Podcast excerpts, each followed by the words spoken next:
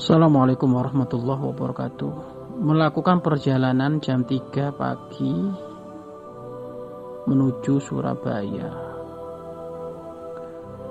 Lalu bagaimana sholat subuh saya? Baik, di dalam Islam sangat diberi kemurahan bagi hamba-hamba Allah yang melakukan perjalanan safar bepergian yang melebihi dua marhalah. Melebihi dua marhalah itu melebihi dari 84 kilo. Maka boleh bagi dia itu untuk menjamak sholat dan mengkosor sholat. Boleh jamak saja, boleh mengkosor saja, atau boleh digabung jamak dan kosor. Hanya saja kalau jamak diperuntukkan untuk sholat yang empat rakaat diperuntukkan untuk sholat yang oh, mohon maaf kalau kalau kalau jamak adalah hanya diperuntukkan antara jamak takdim dan jamak takhir. Jamak takdim itu adalah ya berarti maghrib ke isya. Jamak takdim isya ke maghrib, isya ke maghrib, jadi isyanya ditarik ke maghrib. Atau jamak takhir maghrib ke isya. Nah ini ini diperkenankan bagi mereka yang yang bepergian untuk menjamak. Bahkan kalau melebihi dari dua marhala, maka utamanya jamak kosor. Sampai sampai 100 kilo gitu utamanya jamak dan kosor. Jadi digabung jamak plus kosor. Lah kosor itu meringkas sholat hanya diperuntukkan untuk bilangan sholat yang empat rakaat jadi duhur bisa diringkas menjadi dua, asar bisa diringkas menjadi dua, isya diringkas menjadi dua, maghrib sama subuh nggak bisa. Artinya gini, e, kalau kita ada di perjalanan kemudian datanglah sholat duhur, maka kita boleh menjamak jamak takdim dan kosor. Berarti asar ditarik ke duhur menjadi dua rakaat, dua rakaat, dua rakaat salam, dua rakaat salam.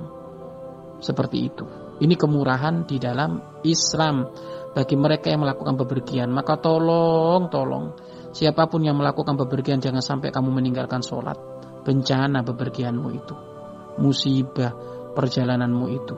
Sedangkan perjalanan itu disebutkan oleh baginda agung Nabi Muhammad Wasallam kita atau minal adab termasuk secuil dari dari dari kepedian siksa. Nah, akan menjadi siksa benar kalau kita ternyata melakukan bepergian tidak sholat, maka ini bencana. Siapa pun yang berani meninggalkan sholat, maka hukumannya adalah sangat mengerikan. Maka jangan pernah meninggalkan sholat walaupun bepergian.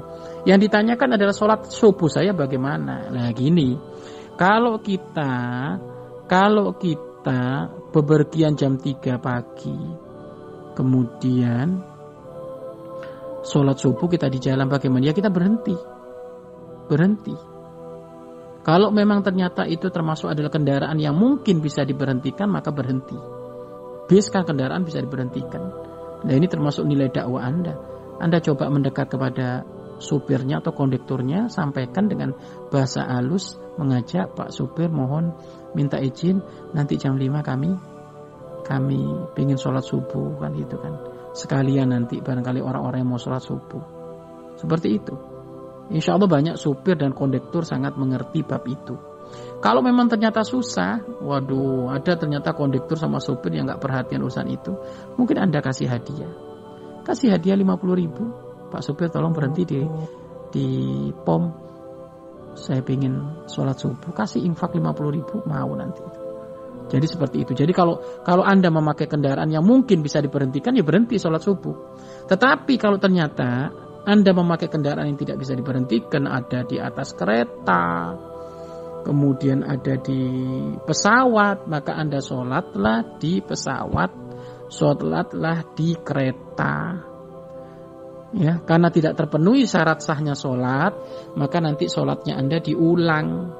Karena Anda perjalanan ke Surabaya, mungkin Anda dari dari Cirebon ke Surabaya, berarti arahnya kan ke timur pakai kereta Anda berarti kan nggak menghadap kiblat maka nanti sholatnya wajib diulang tapi Anda tidak dosa walaupun Anda sholat ala kadarnya ada di kendaraan Anda tidak dosa.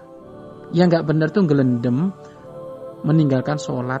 Ini nggak boleh. Maka sholatlah Anda semampunya di di kendaraan.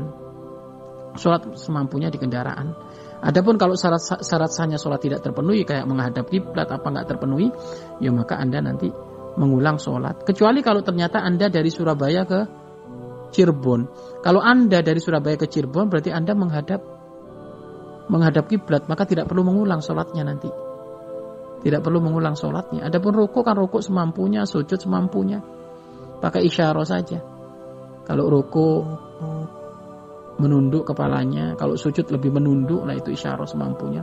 Dan tidak perlu juga Anda menggelar menggelar sajadah di tempat jalannya pertengahan di, di apa gerbong kereta itu jangan tuh mengganggu orang itu. Ganggu orang yang mau kamar mandi apa enggak sudah Anda sholat di tempat kursi Anda, duduk Anda.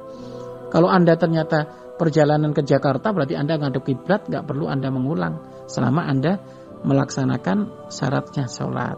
Syarat sah sholat sudah punya wudhu, sudah menutup aurat, menghadap kiblat maka tidak itu tidak perlu diulang. Tapi kalau syarat sahnya ini tidak terpenuhi, maka sholat Anda wajib diulang.